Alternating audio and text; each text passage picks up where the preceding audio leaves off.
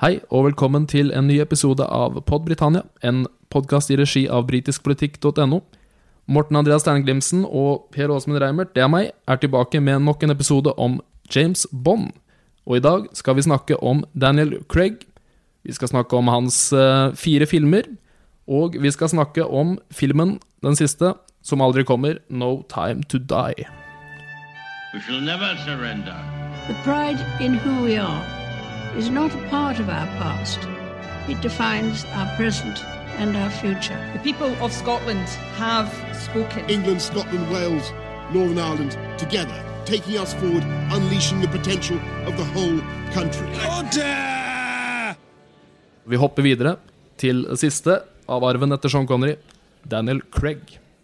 Og Daniel Craig, han starta med en del odds mot seg, vil du ikke si det? Jo, absolutt. Um, da det ble kjent at uh, Daniel Craig uh, ja, hadde vært på audition og, ble vurdert i rollen som James Bond, så var det veldig mye av de ja, tradisjonsrike og hardbarka Bond-fansen og veldig mange journalister verden over som likte det her veldig dårlig. Og det ble jo til og med oppretta nettsider av typen uh, Craig is not Bond, og, det var mange som ikke likte at han var blond, han var ikke høy nok, og det var liksom ikke måte på. Eh, men så tror jeg det var at mange uttalte seg egentlig uten å vite hvem Daniel Craig egentlig var. fordi Daniel Craig var jo ikke noe på det tidspunktet. I 2004-2005 så var jo ikke Craig noen stor um, stjerne.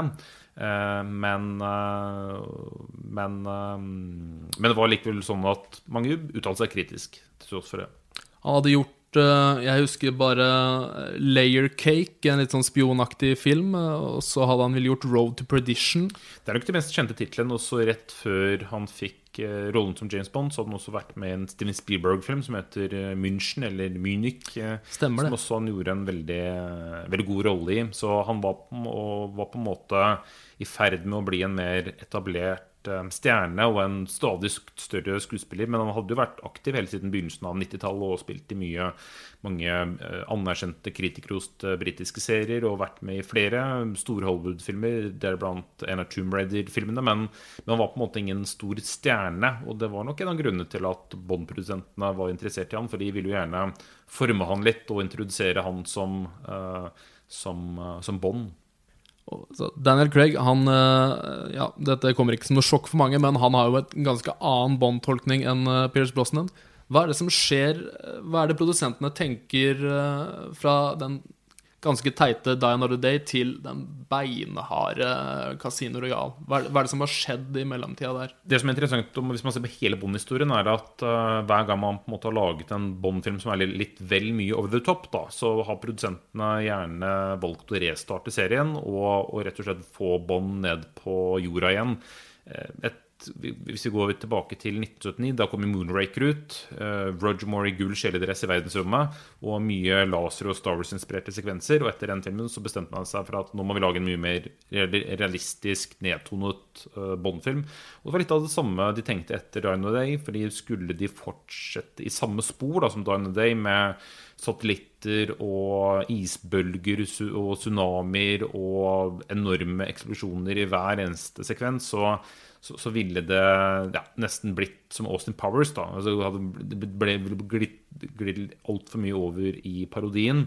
Så til tross for at Brosnan var veldig godt likt av publikum, eh, så, eh, så tror jeg man så et veldig stort behov for å restarte serien. Eh, og Brosnan ble jo også ja, Han ville også ha mye mer for eh, rollen enn det han hadde fått tidligere. Og eh, Det var jo egentlig meningen at Brosnan skulle gjøre en femte Bond-film, men etter at han krevde for mye penger, så, så lukket vel produsentene eh, de forhandlingene. Eh, og, eh, og, på denne tiden så, så, ser vi også at det dukker opp stadig flere ja, mer realistiske, hardbarka actionfilmer. Eh, som Jason Bourne, og, og selvfølgelig det at 11.9. skjedde i 2001. Det gjør selvfølgelig også at verden uh, blir ganske annerledes. Og, i og med at Bond-filmen skal reflektere verden, så, så, ga det stor mening å lage et mer realistisk univers. Og så hører også med til historien, og, det er viktig å nevne, at uh, noen år før uh, 2006 fikk Bond-produsentene rettigheter til eh, Casino Royal-romanen til Ian Flemming, fordi de hadde ikke sittet på de rettighetene tidligere. Før 2006 da, hadde det aldri blitt laget en skikkelig god eller en seriøs adopsjon av boken. Og boken handler i, i korte trekk om Bonds første oppdrag, eh, og hvordan han får 007-lisensen.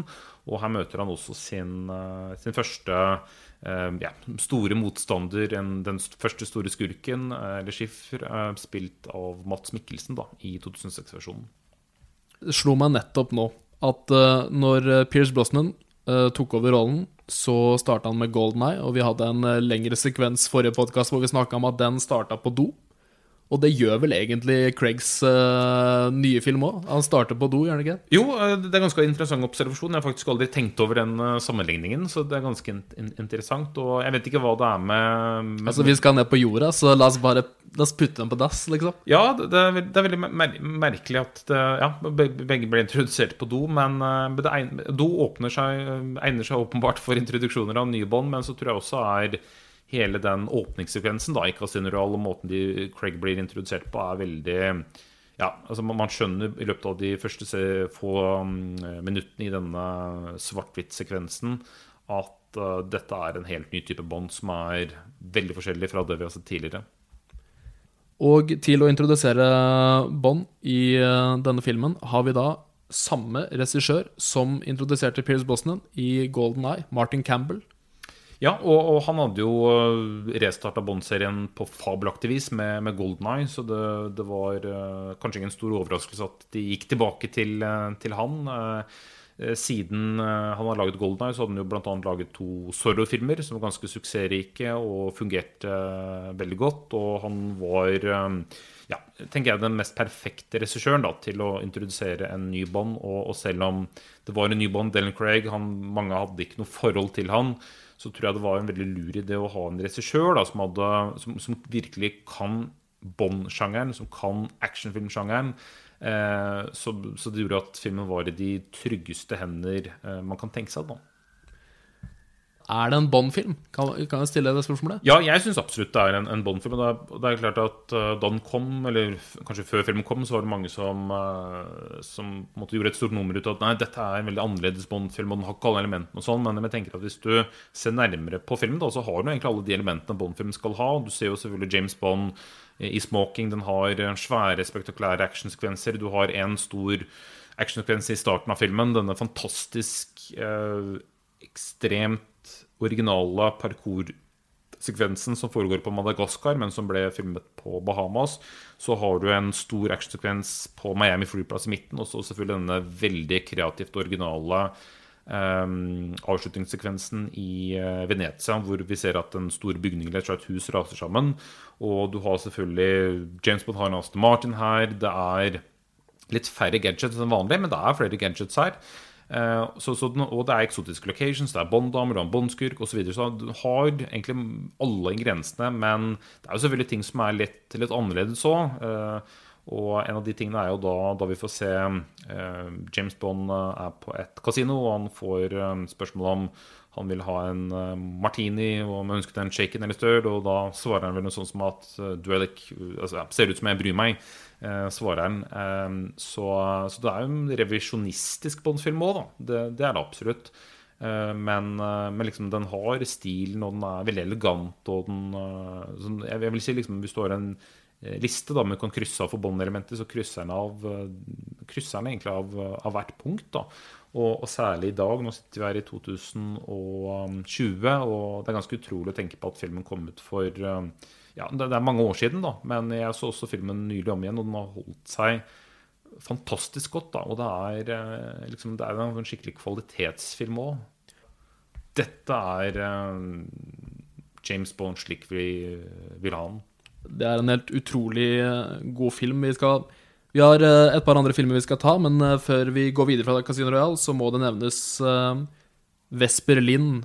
fordi disse filmene de henger jo mer eller mindre sammen litt. Og en veldig sentral karakter det er Vesper Lind, som spilles eh, av eh, Eva Green.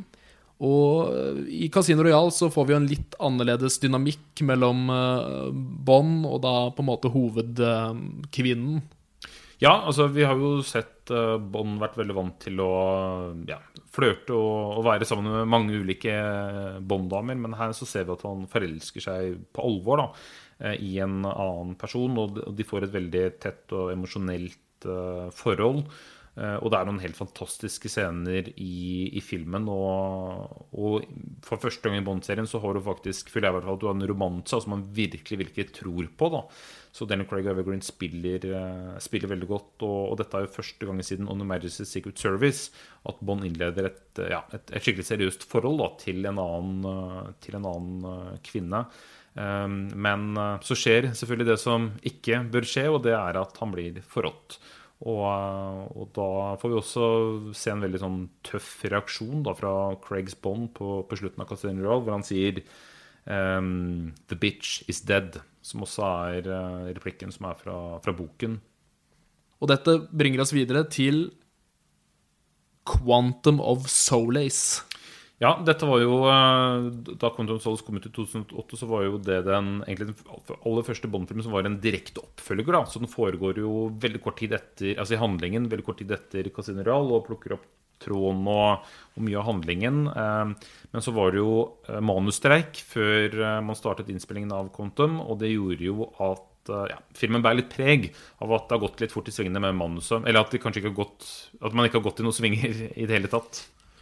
Nei, Jeg så denne nylig igjen uh, her om dagen. Uh, den har aldri klart å feste seg veldig i minnet mitt. Uh, og jeg sleit vel litt denne gangen òg. Den, den, har fryktelig mye action i seg, eh, og, og veldig lite dialog.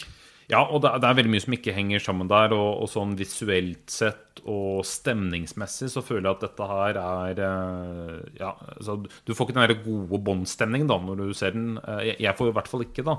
Og, og, det er litt sånn til, Men til tross for at det er mye action, og sånn, så, så føler jeg også at de actionsekvensene er egentlig ikke så imponerende eh, som man gjerne skulle ønske at de er. da. De, man har på en måte bare pumpa inn mest mulig action, men, men så har det heller ikke noe har, De har, henger veldig dårlig sammen, de òg. Og så er det et plott som er veldig forvirrende. Det handler litt om vannforsyninger, og, og så er selvfølgelig filmen veldig tett kobla sammen med. Eh, men så er, er ikke Bond Så er Bond på hevntokt, men så er han ikke ute etter de som egentlig var ansvarlig for um, Vestby Lund sin død. Da.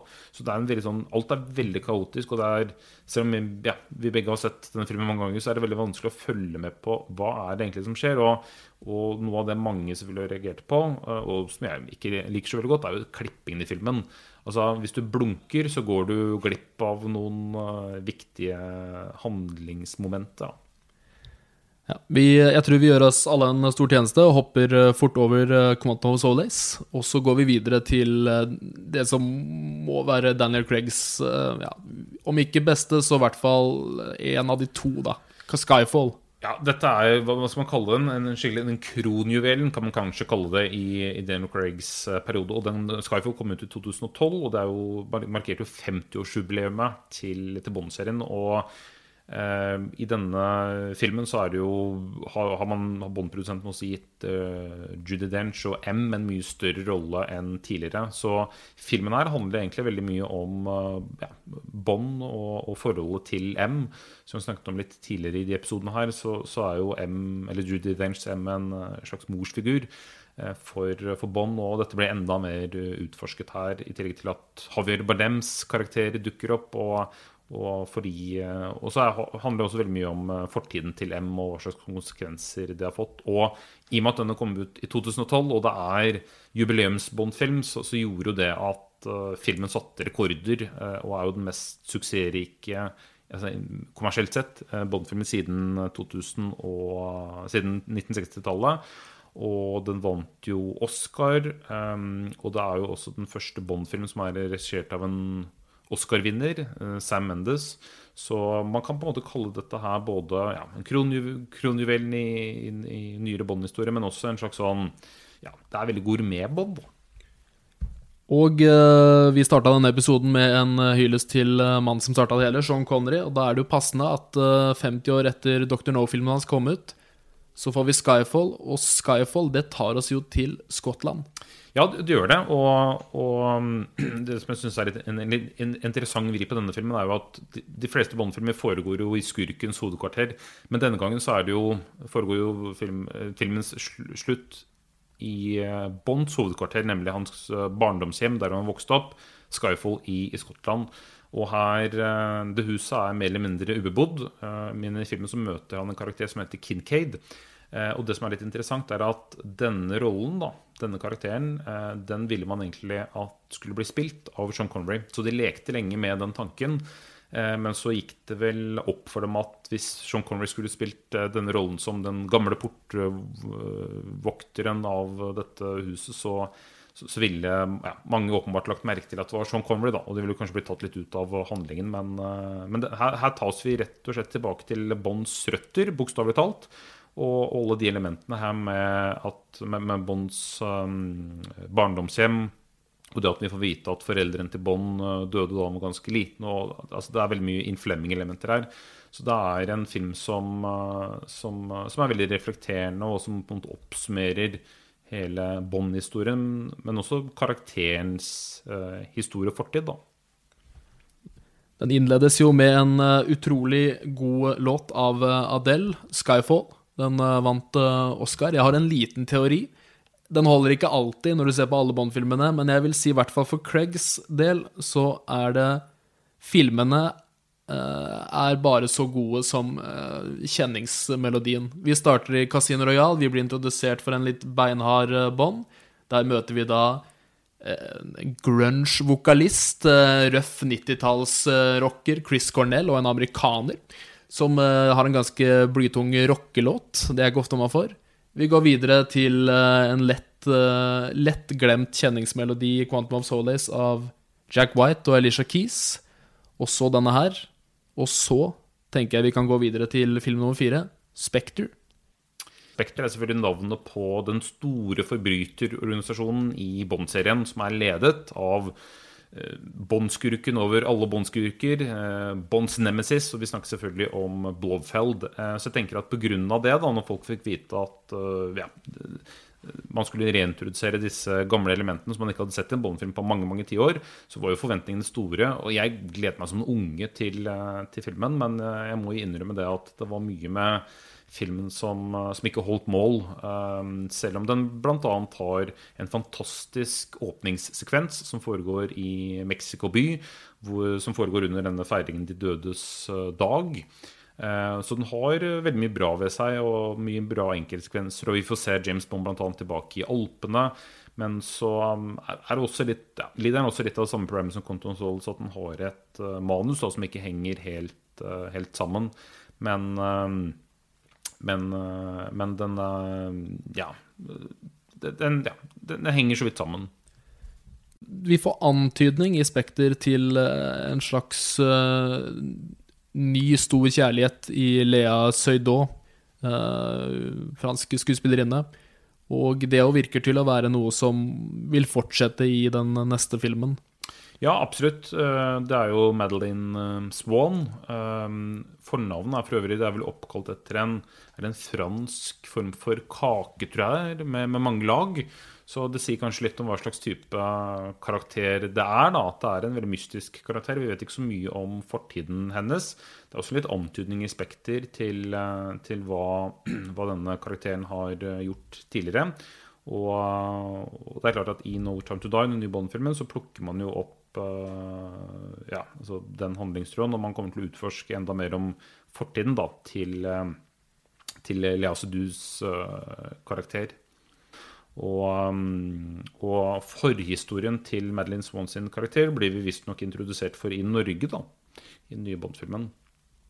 I Nittedal, av alle steder. Vi starter jo med en beintøff Bond. Han er også ganske beintøff i Quantum of Solace. Uh, og så Skyfall er jo mye fortsatt den samme Bond, men en del nostalgi der. Med Spekter så merker jeg at eh, her begynner vi å Her er det elementer av Roger Moore plutselig, og det virker som at kanskje eh, filmskaperne er litt usikre på om kanskje Bond er litt for røff. Kanskje vi må gjøre han litt mer sånn morsom igjen. Åssen syns du det, den, det funker? Nei, altså, det er jo litt sånn inntil Spekter så hadde jo, ja, som du sier, så hadde jo Bond slitt veldig mye med indre demoner, og han hadde, han hadde en veldig plaget sjel, og, og vi ser på en måte konsekvensene da av, av, altså, av det yrket han lever. Altså, det, det er ikke bare sånn at han kan drepe en person uten at det går inn på han. Og det er noe som er interessant, et trekk da, som er fra bøkene, hvor vi ser egentlig en veldig plaget Bond, da, som sliter veldig med myrket sitt. og Han sitter veldig oppe til sent på kvelden, og han drikker veldig mye. og, og Det syns jeg er veldig bra at Daniel Craig har uh, latt seg inspirere av og brakt til filmversjonen av Bond. da. Men det er klart, i Spektus er jo ja, det blir, Mange av de øyeblikkene er veldig sånn Roger Moore-aktig, og, og, jeg tror hele målet med, med Spekter var vel å lage en litt mer god, gammeldags Bond-film. Og, men mange av sekvensene der er jo som snytt ut av en eh, Roger Moore-film. Men du ser at Daniel Craig takler ikke helt de veldig humoristiske sekvensene. da, eller som, er, som Man prøver å være litt tongue in cheek. Eh, jeg mener at det er en feil ting å si at Daniel Craig ikke har humor. Han er veldig god på mørk humor, men sånne ja, nesten sånn slapstick-type humor som, som, Roger Moore, eh, og veldig tørrvittig, som Roger Moore er for god på, det er kanskje ikke Daniel Craigs eh, sterkeste side. Um, så, så, jeg syns at um, det funker ikke så godt da i, i Spekter. Så, så, og inntrykket mitt av den nye Bond-filmen, uten å ha sett den selvfølgelig, men basert på trailer og det jeg har lest om filmen, så virker det som at nå er man ja, man velger å portrettere Bond litt sånn han var i Casino Royal. Og det tror jeg kler um, Craigs Bond veldig godt. Mens vi er inne på uh, sammenligningens uh, kunst her Daniel Craig Jeg har lenge lurt på hvor jeg skal plassere han rangeringsmessig, men jeg tror jeg kommer til å si at han er den beste Bond siden Sean Connery. For min del, iallfall. Ja, uh, ofte som en slags Bond-ambassadør så er det jo vanskelig å velge mellom Bond-skuespillerne her, for det er litt sånn som å velge mellom barna, barna man har. Um, men um, men jeg pleier ofte å si det at jeg føler Darren Craig er definitivt den aller beste skuespilleren av dem. Tett etterfulgt av Sean Connery. Uh, og det som, selv om alle de andre har gjort den på hver sin måte, har vært veldig gode og brakt ulike eh, elementer ved karakteren til, til live og, og vist dem frem, så føler jeg det at Darren Craig er den mest Jeg tror at han kunne vært en agent på ekte. da. Uh, han er den mest overbeviste, mest troverdige av, dem, av dem alle. Det jeg kanskje savner litt med Craig som Bond, da, som jeg liker han veldig godt, og han er på en måte definitivt på, på toppen av lista, så savner jeg selvfølgelig at han kanskje har det litt glimt i øyet. Den eh, savner kanskje litt den karismaen da, som både Sean Connery og Roger Moore hadde, og den derre magnetiske følelsen, da. Eh, det, det, det mangler han kanskje litt, da. Men, eh, men, det veier opp, men det er veldig mye annet som, som veier veldig opp. Da, og det er klart, Jeg liker jo det at uh, denne Craigs tolkning ligger nærmere bøkene. Uh, og det er jo samme grunn at jeg liker Tinto Daltons tolkning veldig godt. Uh, så, og så er det interessant å se på at Dalton og Craig er egentlig ja, det, Måten de spiller bånd på, er ganske, ganske lik. da. Men som sagt, Craig er mye bedre skuespiller. Jeg er, jeg er helt enig. Um, det jeg liker, er at når de klarer å få fram den eh, beinharde bånd med Craig, og så klarer de å kompensere med lettbentheten til denne nye gjengen som har kommet inn de siste filmene. For det er en ganske god gjeng. Han eh, Q-skuespilleren eh, Ben Wishaw, ja. Ben Wishaw spiller en herlig sånn syrlig og sarkastisk Q. Og så har du jo Ray Fine, som tar over M-rollen etter Judy Dench. Og så, ja en av de beste eh, skuespillerne i dag, egentlig, Ray Fine.